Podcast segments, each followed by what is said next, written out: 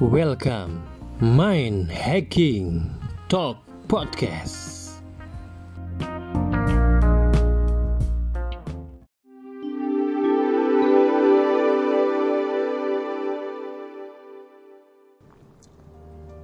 Hai teman-teman, jumpa lagi dengan saya Dr. Adi Bayi Gunawan. Dalam kesempatan ini saya akan membahas satu topik menarik.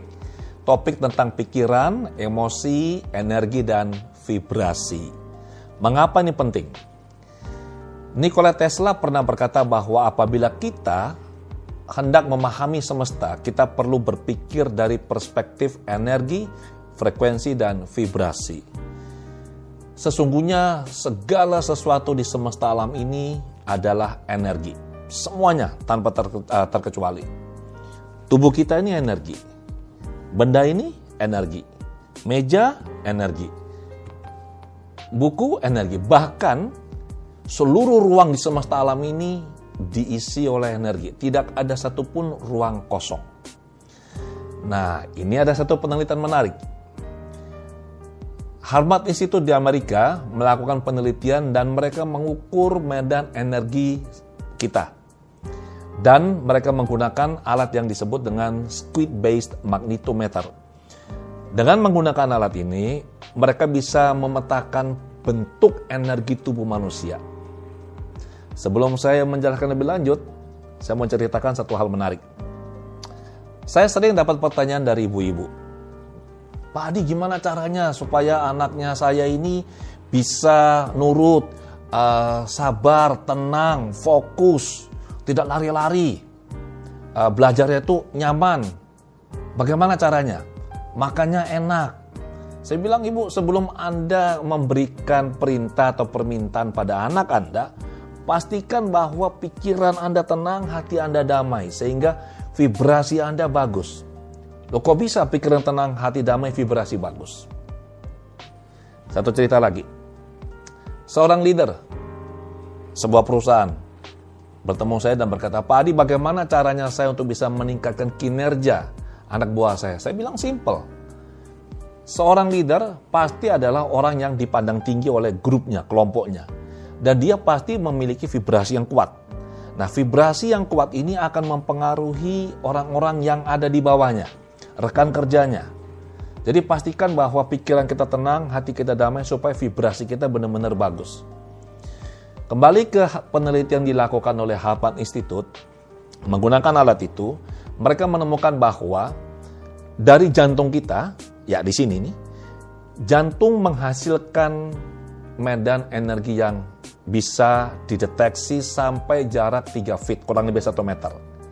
Dan Medan energi ini tidak hanya di jantung, dia berbentuk seperti sebuah bola, istilah itu torus, yang membungkus kita seperti kue donat, kita di tengah-tengah. Nah, kita dibungkus oleh medan energi ini. Ini adalah medan magnet yang dihasilkan oleh jantung. Dan medan magnet yang dihasilkan jantung ini minimal 100 kali lebih kuat dari medan magnet yang dihasilkan oleh otak kita. Jadi jantung ini sangat-sangat powerful, sangat kuat. Dan apabila kita di rumah, ibu atau ayah, sebagai orang tua atau leader, hati kita nggak tenang, maka vibrasi, lingkup energinya kita ini akan mempengaruhi orang-orang di sekitar kita. Disadari atau tidak, pasti akan mempengaruhi mereka.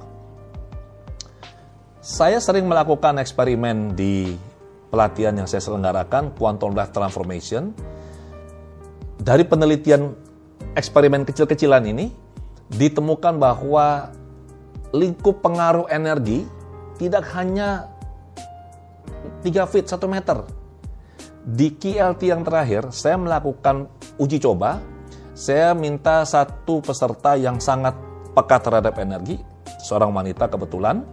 Kemudian saya minta uh, peserta ini berdiri di ujung sana, di ujung hall. Saya berdiri di ujung satunya, di atas panggung.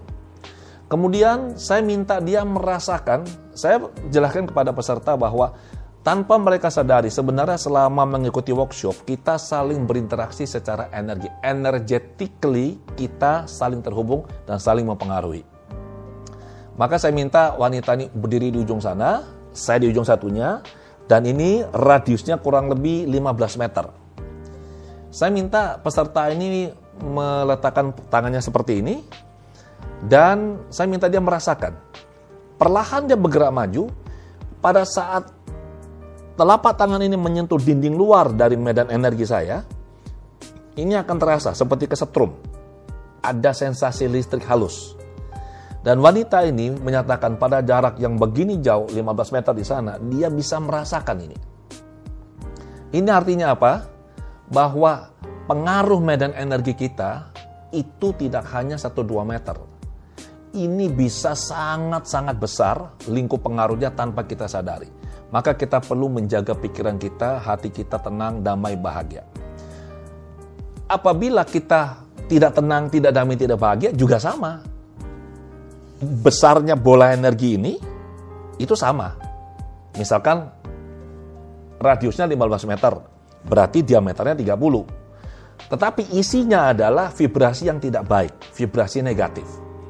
Ini sebabnya kenapa apabila kita jumpa seseorang, tidak usah bicara dengan dia. Dia hadir saja dalam ruangan ini, setelah dia pergi, kita merasa capeknya luar biasa, lelah sekali. Saya yakin Anda pasti pernah merasakannya. Saya sudah berapa kali merasakannya. Apalagi orang yang sangat peka dengan energi. Nah, jadi sekali lagi teman-teman, pastikan pikiran kita tenang, hati kita damai. Kenapa? Supaya vibrasi kita positif dan baik. Kalau hanya satu orang saja, oke lah pengaruhnya nggak terlalu besar. Tapi bisa nggak dibayangkan apabila ada banyak orang memiliki getaran atau vibrasi yang sama, positif maupun negatif. Kalau ada banyak orang punya getaran atau vibrasi yang sama, kurang lebih sama, maka secara kolektif mereka membentuk sebuah medan morfik. Ini yang harus kita cermati. Medan morfik ini apa sekarang? Medan morfik mewakili model atau pola informasi, bentuk pemikiran bersama atau konstruk kelompok yang menginformasikan anatomi atau realita kelompok tertentu dan mendikte bagaimana realita bekerja. Jadi kalau satu dua orang punya vibrasi positif atau negatif, dibandingkan dengan seribu orang yang punya vibrasi positif apa negatif, maka dampaknya akan sangat luar biasa apabila ada banyak orang dalam vibrasi yang sama. Morphic fieldnya menjadi sangat kuat. Anda lihat di meja saya ini ada dua buku. Ini sengaja saya akan tunjukkan pada Anda. Yang ini, yang putih ini, ini adalah abstrak dan ringkasan disertasi dari David Hawkins, MD PhD. Ini saya beli dari beliau. Judulnya adalah Qualitative and Quantitative Analysis and Calibrations of the Level of Human Consciousness. Ini ringkasan ini berisi hasil penelitian beliau, penelitian disertasi. Dari hasil penelitian ini ditulis ke dalam buku. Ini bukunya. Anda perlu baca buku ini. Ini buku sangat menarik ya. Judulnya adalah Power versus Force: The Hidden Determinants of Human Behavior. Yang juga sangat menarik teman-teman, di halaman 68 dan 69 David Hawkins membeberkan tentang map of consciousness atau peta kesadaran. Nah, apa sih peta kesadaran ini? Peta kesadaran adalah sebuah pengelompokan emosi. David Hawkins mengelompokkan emosi-emosi dan diberi suatu angka. Jadi emosi A berapa dayanya, energinya emosi B berapa dayanya atau energinya. Peta kesadaran seperti ini. Bermula dari courage itu 10 pangkat 200, kemudian naik terus, neutrality dan seterusnya dan seterusnya sampai 10 pangkat 700 yang disebut dengan enlightenment atau pencerahan. Turun dari courage 10 pangkat 200 itu ada pride, energinya 10 pangkat 175. Saya akan terangkan nanti dalam uh, bahasa Indonesia. Cara melihat level energi ini adalah segala sesuatu yang di atas 10 pangkat 200 itu sifatnya menguatkan, mencas kita dengan hal-hal yang baik, energi positif. Dan segala sesuatu yang di bawah 10 pangkat 200 itu sifatnya menghabiskan energi kita. Draining, membuat kita lemah, membuat kita tidak bertenaga. Courage atau berani 10 pangkat 200. Emosinya apa? Penegasan atau dukungan akan sesuatu. Netral 10 pangkat 250. Ini sebenarnya adalah pasrah. Kita tidak terikat pada sesuatu. Kemauan 10 pangkat 310 emosinya optimisme, naik lagi penerimaan 10 pangkat 350. Lebih tinggi lagi berpikir 10 pangkat 400. Cinta 10 pangkat 500. Ada rasa hormat yang mendalam. Kemudian bahagia 10 pangkat 540. Tenang dan hening. Damai 10 pangkat 600. Kebahagiaan yang luar biasa. Dan pencerahan 10 pangkat 700 sampai 10 pangkat 1000 emosinya tak terlukiskan. Teman-teman perlu pahami bahwa ini eksponensial, 10 pangkat sekian. 10 pangkat 1 artinya 10. 10 pangkat 2 artinya 10 kali 10 sama dengan 100. 10 pangkat 3, 10 kali 10 kali 10 sama dengan 1000. Jadi ini luar biasa sekali. Sekarang kita lihat yang di bawah berani, di bawah 10 pangkat 200. Di bawah berani ada bangga. 10 pangkat 175. Ingat ya, segala sesuatu yang di bawah 10 pangkat 200 sifatnya drain, menghabiskan energi kita. Membuat kita lemah, membuat kita tidak berdaya. Bangga 10 pangkat 175 emosinya adalah menghina atau merendahkan sesuatu atau orang lain. Di bawahnya lagi ada marah 10 pangkat 150, emosinya benci, dendam, di bawahnya lagi ada keinginan 10 pangkat 125. Emosinya hasrat, keinginan yang kuat akan sesuatu. Di bawah lagi ada takut 10 pangkat 100. Ini termasuk khawatir, cemas sesuatu yang akan terjadi. Di bawahnya lagi kesedihan mendalam 10 pangkat 75. Menyesali sesuatu yang telah terjadi. Lebih rendah lagi energinya putus asa atau apatis 10 pangkat 50. Nah ini yang orang kali sering salah, mereka mengatakan, ya saya pasrah, sudah saya nerima. Sebenarnya mereka tidak pasrah atau tidak nerima. Mereka putus asa. Orang yang benar-benar bisa pasrah dan nerima, itu energinya sangat bagus. Di level 10, di atas 10 pangkat 200, di netralitas. Tapi kalau orang yang bilang, saya udah saya pasrah saja, nerima, padahal sebenarnya emosi negatif yang mereka rasakan, maka mereka sebenarnya ada dalam kelompok level 10 pangkat 50 yaitu putus asa. Perasaan tidak ada harapan lagi.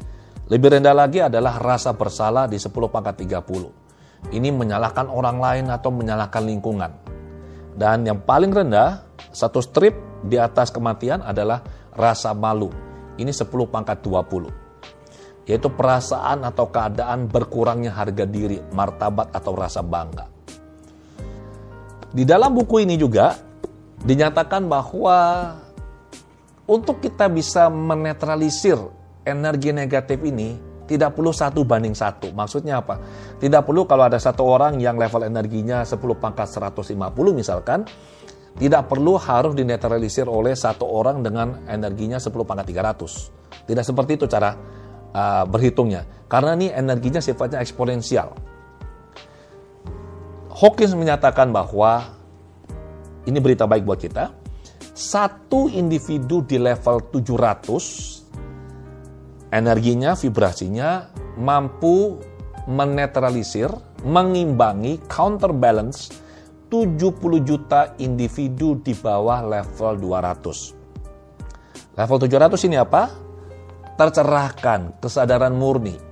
Sementara yang di bawah level 200 apa saja emosinya atau energinya? Marah, benci, perilaku agresif, mengancam, takut, khawatir, sedih, putus asa, apatis, perasaan bersalah, malu, menyalahkan orang lain atau lingkungan, menghina, merendahkan orang lain. Jadi ingat hanya satu individu di level 700 energinya mampu mengimbangi atau menetralisir 70 juta individu yang energinya di bawah level 200. Berikutnya, satu individu di level 600 menetralisir 10 juta individu di bawah level 200. Level 600 adalah perasaan damai, bahagia. Satu individu di level 500 menetralisir 750 ribu individu di bawah level 200. Level 500 ini apa? Cinta kasih, rasa hormat mendalam. Satu individu di level 400 menetralisir 400 ribu individu di bawah level 200. Level 400 ini apa? Berpikir, mengerti, bijak. Satu individu di level 300 menetralisir 90 ribu individu di bawah level 200. Level 300 ini apa? Optimis, jadi teman-teman jelas sekarang ya bahwa sangat penting bagi kita untuk bisa menjaga pikiran kita tenang, hati kita damai, bahagia. Karena vibrasi kita ini akan membentuk vibrasi kolektif dan ini bisa untuk mengimbangi atau menetralisir vibrasi negatif yang sekarang ada atau marak terjadi di masyarakat. Kita bisa melakukan ini bersama-sama. Dan ada penelitian menarik Hasil penelitian yang didukung lebih dari 50 demonstrasi eksperimental dan lebih dari 23 artikel jurnal yang diterbitkan pada jurnal akademik peer reviewed menyatakan bahwa vibrasi kolektif koheren, koheren artinya dari jantung kita keluar vibrasi yang bagus ya, mampu menurunkan angka kriminalitas atau tindak kejahatan kemudian kecelakaan di jalan raya, kekerasan sosial, terorisme, dan meningkatkan kedamaian, kepositifan di masyarakat. Ini hasil penelitian yang luar biasa. Apa pun yang kita pikirkan atau kita rasakan, ada vibrasinya dan berpengaruh terhadap orang di sekitar kita. Kita tidak bertanggung jawab pada pemikiran orang lain atau perasaan orang lain kita hanya bertanggung jawab pada pemikiran dan perasaan kita, pada vibrasi diri kita. Yang bisa kita lakukan adalah saran saya teman-teman nomor satu berhenti membaca berita-berita negatif, berita-berita yang tidak ada manfaatnya untuk hidup kita. Berita-berita yang memunculkan perasaan tidak nyaman, takut, khawatir, cemas, gelisah. Ini nggak ada gunanya buat kita dan hanya memunculkan vibrasi-vibrasi negatif. Kemudian baca berita-berita positif, nonton video atau film-film yang menghibur, yang lucu. Berhenti menyebar informasi negatif, sebarlah berita-berita positif saja yang bisa membangkitkan optimisme. Kemudian posting berita-berita yang baik di media sosial, di grup percakapan, WhatsApp, Telegram, atau di jalur yang lain. Jadi teman-teman, pastikan Anda memperhatikan benar apa yang Anda pikirkan, apa yang Anda rasakan, karena apa pun yang Anda pikirkan dan rasakan ini disadari atau tidak, tidak hanya mempengaruhi diri Anda, tetapi juga mempengaruhi orang di sekitar Anda dan secara kolektif akan berpengaruh sangat besar bagi masyarakat. Demikian penjelasan saya. Sampai jumpa di lain kesempatan.